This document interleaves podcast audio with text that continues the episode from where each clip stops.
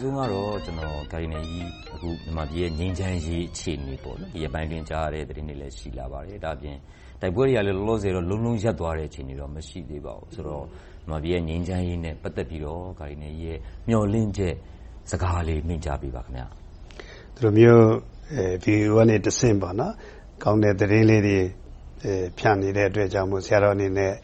ဝမ်းသာတယ်။ကျေးဇူးလည်းတင်တယ်။ဒီလိုမျိုးအခွင့်အရေးရတဲ့အခါဆရာတော်ကိုယ်တိုင်လည်းသတင်းကောင်းပေးနိုင်တဲ့အတွက်ကြောင့်မို့အထူးကျေးဇူးတင်တယ်။ငြိမ်းချမ်းရေးနဲ့ပတ်သက်လို့၂၀၁၈ခုနှစ်မှာတော့အဆင်ပြေတဲ့အချက်အလက်တွေရှိသလို၊အဆင်မပြေတဲ့အချက်အလက်တွေလည်းအများကြီးရှိပါတယ်။တိုက်ပွဲတွေမရပ်ဘူးပစ်ခတ်နေကြတယ်။တပ်မတော်နဲ့လက်နက်ကိုင်အဖွဲ့တွေဖြစ်ပျက်နေတဲ့ဟာတွေလည်းခရီးလည်းဖြတ်ကျော်ပြီးတော့လာရတယ်။ဒါပေမဲ့ လွန်ခဲ့တဲ့ရက်ပိုင်းလေးတွေမှာပဲတပ်မတော်ကာချုပ်ကိုယ်တိုင်ကြေညာချက်ထဲမှာလေးလတာအတွက်ပစ်ခတ်မှုတွေရပ်စဲပြီးတဲ့နောက်ငြိမ်းချမ်းရေးခရီးလမ်းစဉ်ကိုစလျှောက်ကြမယ်ဆိုတဲ့သတင်းကောင်းကိုကြားရတဲ့အခါမှာကျနော်တို့အားလုံးပျော်ကြတယ်။ပြည်သူပြည်သားတွေပျော်ကြတယ်။အထူးသဖြင့်စစ်ရှောင်စခန်းမှာနေကြတဲ့လူတွေအတွက်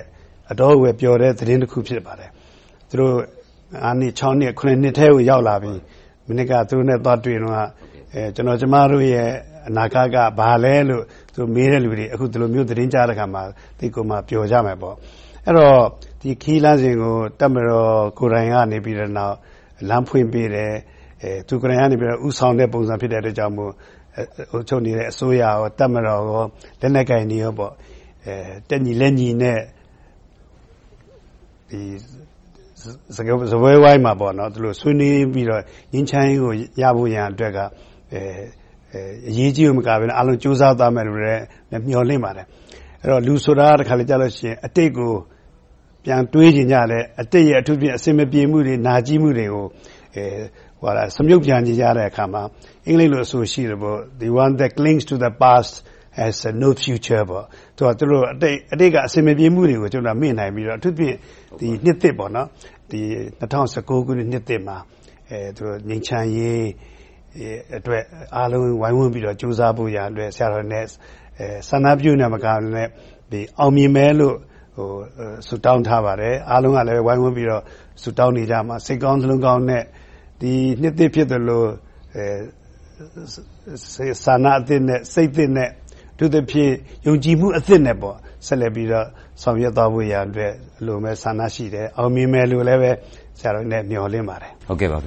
နောက်တခုကတော့ကျနော်တို့တိုင်းပြည်မှာငြိမ်းချမ်းရေးနဲ့အလားတူပါပဲအင်မတန်အရေးကြီးတဲ့ဘာသာပေါင်းစုံ၊လူမျိုးပေါင်းစုံကြားချစ်ကြည်ရင်းနှီးရေး၊ငြိမ်းငြိမ်းချမ်းချမ်းအတူယှဉ်တွဲနေထိုင်ကြရေးဒီကိစ္စကလည်းအင်မတန်အရေးကြီးတဲ့ကိစ္စတခုပါ။လက်ရှိအခြေအနေမှာဆိုတော့ကာဒီနယ်ကြီးအနေနဲ့ဘာသာပေါင်းစုံ၊လူမျိုးပေါင်းစုံကြား ချစ်ကြည်ရင်းနှီးရေး အတူယှဉ်တွဲနေထိုင်ကြရေးနဲ့ ပတ်သက်တဲ့ကာဒီနယ်ကြီးရဲ့ ဆန္ဒ မျှော်လင့်ချက်စကားလေးလည်း ပြောပေးပါအုံး။ဆရာတော်အနေနဲ့ အားလုံးစိတ်ကောင်းနှလုံးကောင်းနဲ့ လူမျိုးမရွေး၊ဘာသာမရွေး သူများဘာသာကို ရိုသေနိုင်ခြင်း၊သူများဘာသာကို လေးစားခြင်းနဲ့ သူများဘာသာရဲ့ ရှုထောင့်ကို ရိုသေစွာနဲ့ နားထောင်နိုင်ခြင်းတွေက အရေးကြီးပါတယ်။လူဆိုတာကတော့ အဆိုရှိသလို ခေါင်းနှစ်လုံးရှိရင် အကြံဉာဏ်နှစ်ခုလည်းရှိနိုင်တယ်။ကိုးကွယ်ယုံကြည်မှုမှာလည်းအသီးသီးကွဲပြားပေမယ့် Difference is not a weakness ကွာခြားနားမှုဟာအားနည်းချက်မဟုတ်ဘဲနဲ့ Weakness is to be celebrated. Weakness is a strength. မတူခြားနားခြင်းဟာခွန်အားဖြစ်တယ်ဆိုတာအထူး သဖြင့်မြန်မာပြည်မှာရောင်စုံသက်တမ်းလိုပဲလှပတဲ့မြန်မာနိုင်ငံတော်ဟာဒီလိုမျိုးဘာသာပေါင်းစုံမှာတဦးနဲ့တဦး၊တခုနဲ့တခုလေးစားတယ်ဆိုလို့ရှိရင်မြန်မာပြည်ဟာငြိမ်းချမ်းရေးဖြစ်သွားစရာအကြောင်းမရှိဘူး။ Peace is possible and peace is the only way. ငြိမ်းချမ်းရေးဟာဖြစ်နိုင်တယ်။ငြိမ်းချမ်းရေးတခုသာလျှင်ကျနော်တို့မြန်မာပြည်အတွက်လမ်းကြောင်းလမ်းစဉ်ဖြစ်တယ်။နောက် တခုက ပြီးခဲ့တဲ့ ခရစ်စမတ်ကာလ ခရစ်စမတ်ရက်မတိုင်ခင် ကျနော်တို့တွေသတင်းတွေ ကြားရပါတယ်။ခရစ်စမတ်ပွဲတော် ဆင်နွှဲဖို့အတွက် ပြင်ဆင်ကြတဲ့ မိသားစုတွေကို ပြည်နယ်ဘက်မှာ တခြားလူတွေကနေနှောင့်ယှက်ပြီးတော့ ခရစ်စမတ်ပွဲတော် ကျင်းပတာကို တားဆီးတယ်။နှောင့်ယှက်တယ်။ရုန်းရင်းဆန်ခတ် ဖြစ်တယ်။ဒဏ်ရာရကြတာတွေလည်း ရှိခဲ့ပါတယ်။ဒီလိုအဖြစ်အပျက်မျိုးတွေပေါ်မှာခရိုင်အနေနဲ့ဘယ်လိုမျိုး မိန့်ကြားချင်ပါလဲ။ ဒီမှာနယ်စပ်တွေမှာဖြစ်ပျက်တာရှိတယ်။နိုင်ငံခြားတွေမှာလည်းဖြစ်ပျက်တာရှိတယ်။ဒီဟာကဘာသာရေးအစွန်းရောက်တဲ့လူတွေ Extremists တွေအနည်းစု။တကယ်ဆိုရင်မြန်မာပြည်တပြည်လုံးကိုကြည့်တဲ့အခါမှာစိတ်ကောင်းနှလုံးကောင်းတဲ့တခြားဘာသာကိုရိုသေလေးစားတဲ့ပုဂ္ဂိုလ်တွေရှိသလို၊ဒီလိုမျိုးသူများဘာသာကိုအနှောင့်အယှက်ပေးတဲ့ပုဂ္ဂိုလ်လေးကလက်တဆုပ်လောက်တောင်မရှိပါဘူး။အနည်းဆုံးသုံးဦးလေးဦး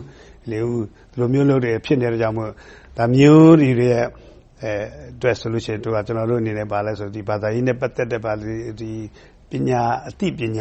Education ဆိုတာအထူးလိုအပ်ပါတယ်။လုပ်တဲ့လုပ်သူအနှောင့်အယှက်ပေးတဲ့လူတွေကတကယ်တမ်းဆိုရင်မသိတဲ့အတွက်ကြောင့်မို့ Ignorance အတွက်ကြောင့်မို့ဒီလိုမျိုးတခြားဘာသာတွေပေါ်မှာ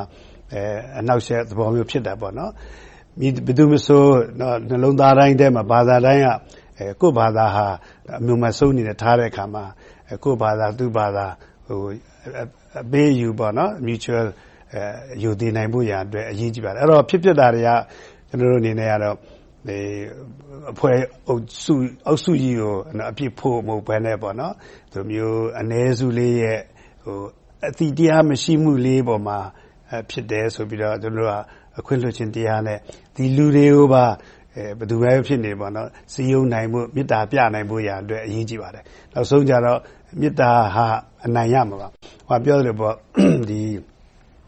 ဒုတိယသမ္မတကြီးဟင်နရီရဲ့မြစ်ဆုံဆားပွဲမှာဒေါ်အောင်ဆန်းစုကြည်ပြောခဲ့တဲ့စကားကနည်းပညာရှိဆိုလားအခုနပြောတဲ့ဘုရင်ဆိုလားသူတို့လာပြီးတော့ခရစ်တော်ရဲ့ရှေ့မှာလာပြီးတော့ရှိခိုးကြတယ်ဆိုတာကိုသူကပြောတာကမင်းပညာ ရှိပြောမလား၊မင်းပဲပြောမလားဘယ်လောက်ပဲပညာရှိနေနေ၊ဘယ်လောက်ပဲအာဏာရှိနေနေနောက်ဆုံးကြတော့မေတ္တာဖြစ်တဲ့သခင်ခရစ်တော်ရှေ့မှာလာပြီးတော့ဒူးထောက်ရှိခိုးကြတယ်ဆိုတဲ့အတိုင်းကျနော်တို့ကမေတ္တာပြရင်မေတ္တာဟာနောက်ဆုံးကြတော့အောင်မြင်မှုကိုရရှိမယ်လို့ဆရာတော်တို့ယုံကြည်တယ်။နောက်တခုကကိုရင်ကြီးကနိုင်ငံခြားခရီးစဉ်တွေလည်းမကြာခဏသွားရပါတယ်။နိုင်ငံခြားကအဖွဲ့အစည်းတွေ၊ပုဂ္ဂိုလ်တွေ၊ဘာသာရေး အဖွဲ့အစည်းတွေနဲ့လည်း မကြာခဏ ထိတွေ့ဆက်ဆံရပါတယ်။အခုဆိုရင် အာရှမှာလည်း အဖွဲ့ချုပ်ရဲ့ ဥက္ကဋ္ဌအဖြစ် ဖြစ်လာပါတယ်။ဆိုတော့ နိုင်ငံတကာနဲ့ ထိတွေ့ဆက်ဆံရတဲ့ နေရာမှာ မြန်မာနိုင်ငံအပေါ် ပြည်ပကလူတွေရဲ့ တချို့အမြင်တွေ၊မရှင်းလင်းမှုလေးတွေ၊မြန်မာနိုင်ငံအပေါ် အမြင်စောင်းနေတာလေးတွေ အဲဒါလေးတွေကို ဘယ်လိုကြုံတွေ့ရပါသလဲ။အဲဒါတွေနဲ့ ပတ်သက်လို့ ဘယ်လိုမျိုး ကိုင်တွယ်ဖြေရှင်း ပြောဆိုရတာမျိုးတွေ ရှိပါသလဲ။အဲဒါနဲ့ ပတ်သက်လို့ နိုင်ငံခြားသွားတိုင်း မြန်မာပြည်ရယ်လို့ ပြောလိုက်ပြီဆိုရင် အမြဲထွက်လာတဲ့စာလုံးစကားလေးကဘာလဲဆိုရင်ရခိုင်ပြည်နယ်အကြောင်းပြောတယ်။သူတို့သုံးတဲ့အသုံးအနှုန်းက Rohingyas လို့ပြောတယ်။အဲဒါနဲ့ပတ်သက်ပြီးနောက်မြန်မာပြည်ပေါ်မှာအခုနပြောတဲ့ Genocide, Ethnic cleansing တို့လူမျိုးရေးဖြုတ်တဲ့ဟာဆိုပြီးအမြဲပြောကြတယ်။အဲဒီအပေါ်မှာဆရာတော်အနေနဲ့ပြန်ဖြေခဲ့တဲ့အခေါက်ပေါင်းများစွာအင်တာဗျူးတွေမှာလည်းပြောပါတယ်။ပထမဦးဆုံးအချက်အနေနဲ့ မြန်မာပြည်ရဲ့လူမှု့ဆက်သွယ်ရေးမီဒီယာက အားနည်းတယ်။အားနည်းတဲ့အခါမှာ တခြားနိုင်ငံခြားမီဒီယာတွေတခြားနိုင်ငံခြားရဲ့အသံကပိုပြီးတော့ကျယ်တယ်။ Strong media ဖြစ်တယ်ဆိုတဲ့အကြောင်းကိုပြောတယ်။အဲဒါကြောင့်မို့အမှန်တရားရဖို့ရာကမြန်မာပြည်ရဲ့အသံကိုလည်းနားထောင်ဖို့အတွက်အရေးကြီးတယ်။ဒီလိုမျိုးပြောတဲ့အခါမှာသူတို့ တပ်မတော်ကိုလည်း အပြစ်တင်ကြတယ်။ ICC အဖွဲ့ကိုလည်း အပြစ်တင်တယ်။နောက်ပြီးတော့ ဒေါ်အောင်ဆန်းစုကြည်ကိုလည်း အပြစ်တင်ပြီးတော့ပြဿနာတွေအားလုံးက သူနဲ့ပတ်သက်တယ်ဆိုတာကိုသူ့အပေါ်ပုံပြီးတော့သူရဲ့ Nobel Prize တွေ ရတဲ့ ဂုဏ်ထူးတွေအားလုံး ယူကြတဲ့ဟာတွေရှိတယ်။ဆရာတော်က မနှစ်တုန်းကတခါ ပြောဖူးပါတယ်။ဒေါ်အောင်ဆန်းစုကြည်ရရှိတဲ့ ဘွဲ့တွေ၊ဂုဏ်ထူးတွေ ယူချင်ယူပါစေ။မြန်မာပြည်မှာရှိတဲ့ ပြည်သူပြည်သားတွေ သူ့အပေါ်မှာ ယုံကြည်လေးစားမှု၊ချစ်ခင်မှုကိုတော့ ယူပစ်လို့မရပါဘူးလို့အဲဒီလိုပြောတယ်။အဲဒီတော့ဒီလိုမျိုးဖြစ်ပျက်နေတဲ့အခါမှာဆရာတော်ကဘာပြောခဲ့လဲဆိုတော့ International News တွေ International Impression တွေကမ္ဘာအသီးသီးကနေမြန်မာပြည်ပေါ်ထင်တဲ့အထင်အမြင်တွေထက်ဝေဖန်မှုတွေထက်ကိုယ့်အတွင်းမှာဖြစ်ပျက်နေတဲ့အထူးသဖြင့်ဒေါ်အောင်ဆန်းစုကြည်ဆိုရင်အရင်တုန်းက ထက်သူ့ရဲ့ Ideology ယူဆမှုကအတော်လေးပြောင်းလဲသွားတယ်။အရင်တုန်းက Opposition Party ဆိုပြီးသီးသီးသန့်သန့်အဖွဲ့အစည်းဆိုပြီးဖြစ်ပေမယ့်ဒသူ့ရဲ့အခုရဲ့ဥတီချက်ကဘာလဲဆိုလို့ရှိရင်သူအစိုးရနဲ့တပ်မတော်နဲ့အတူညီညီပေါင်းပြီးတော့နောက်ငင်းချမ်းရေးကိုစောင့်တည်ဖို့ရန်အတွက်သူကပို့ပြီးတော့အရေးထားတယ်ပေါ့နော်ရေးထားတယ်ဆရာတော်ဒီကိုရီးယားသွားတော့ကဒီသတင်းပေးတဲ့အခါမှာတခါတပ်မတော်ရဲ့ဖြစ်ပျက်တဲ့ဥမာပြည်တွင်းဖြစ်ပျက်နေတဲ့ကရင်ပြည်နယ် ကချင်ပြည်နယ်အကြောင်းပြောတဲ့အခါမှာသတင်းထဲမှာပါလာတဲ့အခါမှာတော့စုခရံပြောတယ်ဒါထက်အပြင်ပသတင်းတွေထက်ကျမတို့ကဘာလုပ်ချင်လဲဆိုလို့ရှိရင်တော့ဘာလုပ်ချင်လဲတပ်မတော်နဲ့အစိုးရနဲ့ပေါင်းစည်းဖို့ရပို့ပြီးတော့အရေးရေးပေးပါတယ်ကျွန်တော်အပြင်သွားတဲ့ခါတော့မှတပ်မတော်အကြောင်းပေါ့နော်ကောင်းငါကောင်းကြောင်းနော်ဒုတိယတွေ့အကြောင်းပြောပါဆိုပြီးတော့သူတော်ပြောခဲ့တယ်အဲ့လိုမျိုးဖြစ်ပြီးတော့နောက်အခုကျတော့တကယ်ပြောမယ်ဆိုလို့ရှိရင်လက်တွေ့ဖြစ်နေပြီပေါ့နော်တပ်မတော်ကိုယ်တိုင်ကဦးစီးဦးဆောင်ပြီးတဲ့နောက် ငင်းချမ်းရေးခီးလန်းစီကိုသွားဖို့ရန်အတွက်လို့ပြောအဲ့တော့နိုင်ငံသားတွေကတကယ်လို့မြန်မာပြည်အကြောင်းကိုအဲအဲ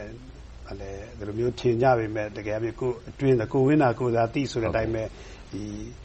ဒီငင်းချမ်းရေးခီးလန်းစီမှာဘယ်လိုကင်တွယ်ရမလဲဆိုတာအစိုးရကိုယ်တိုင်ကဒီလိုမျိုးပညာရှိပါရှိရှိနေပေါ့နော်သိခံပြီးတော့သွားနေတဲ့အခါမှာ